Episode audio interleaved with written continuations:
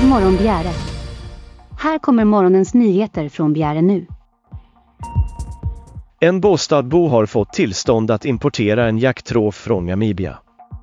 Trofen är ett skinn med tillhörande skalle från en leopard. Leoparden är utrotningshotad på grund av handel och tillhör de arter som har störst behov av skydd. Skinnet är från en jakt i Namibia och från Jordbruksverkets intyg kan man utläsa att den har levt i det vilda innan den blev skjuten. Jakttrofen tillhör jägaren personligen vilket innebär att leopardskinnet inte får försäljas eller användas i vinstsyfte. Skinnet får inte heller visas för kommersiella ändamål eller transporteras för försäljning. Mellan jul och nyår 2022 forsade det ut mängder av vatten som gjorde hål i gångbanan på strandpromenaden. Vattnet kom från grävarbeten vid Villa Dagmar.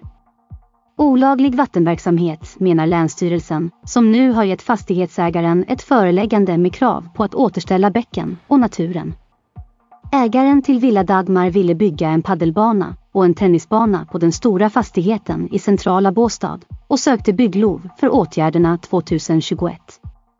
Då paddelbanan skulle placeras över en bäck rådfrågade bygglovshandläggaren kommunens miljöinspektör om det krävdes någon form av tillstånd. Svaret var att det kunde krävas tillstånd från Länsstyrelsen för vattenverksamhet och ägaren uppmanades att ta kontakt med Länsstyrelsen. Men någon anmälan eller ansökan om tillstånd lämnades aldrig in.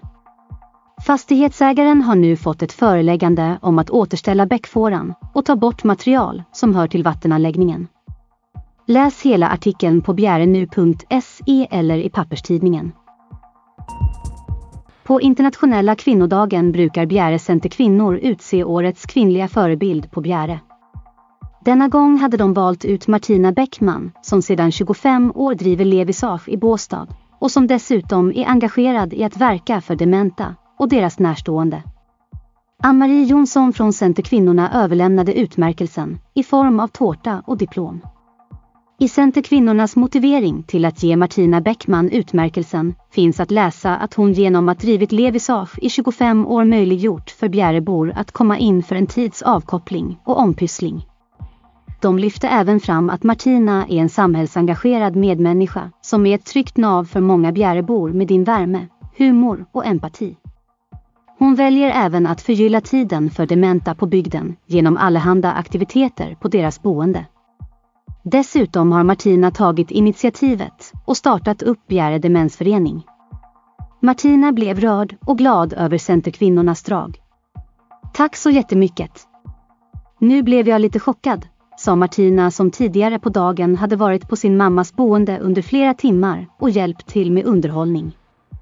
Det jag engagerar mig i gör jag för att jag tycker om det och förväntar mig inte direkt något tillbaka, säger Martina. Om Martina tar hem diplomet eller om det får stå lite i salongen skyltfönster återstår att se.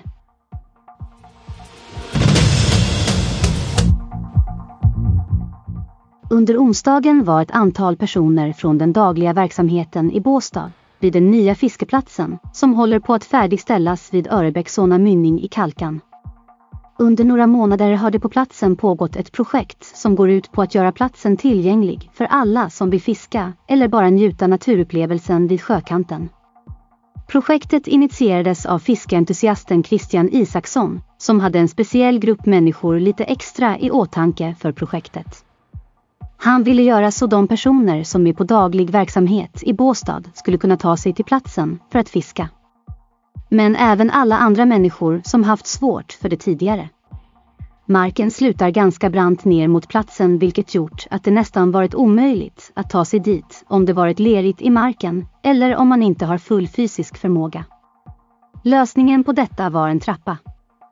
Den är nu på plats och det som återstår är att röja och rensa på platsen. Buskar, träd och sly har kapats nu var personer från daglig verksamhet för första gången på platsen som ska bli deras fiskeplats längre fram i vår. De hjälpte till med att elda och humöret var på topp under den soliga förmiddagen. Jag har eldat sedan jag kom hit. Man får tänka på att inte vara för nära elden, kommenterade Patrik Sjögren som nu tog en kort paus från eldandet. Personalen hade fullt upp med att leda alla som ville hjälpa till med det som de kunde. Det är en jätterolig grej att vara med och fixa i ordning platsen. Det bryter den vanliga vardagen, säger Niklas Tenander som är stödpedagog på daglig verksamhet och dessutom själv är naturintresserad.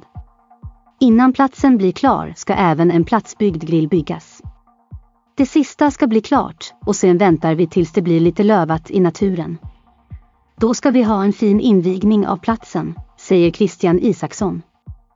Se bilder från platsen på bjärenu.se.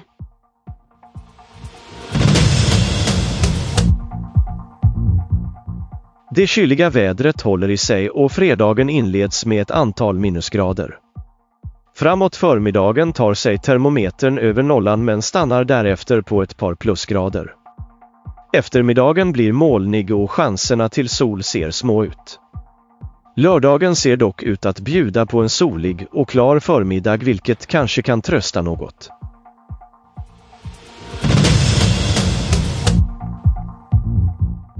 Det var allt vi hade att bjuda på idag.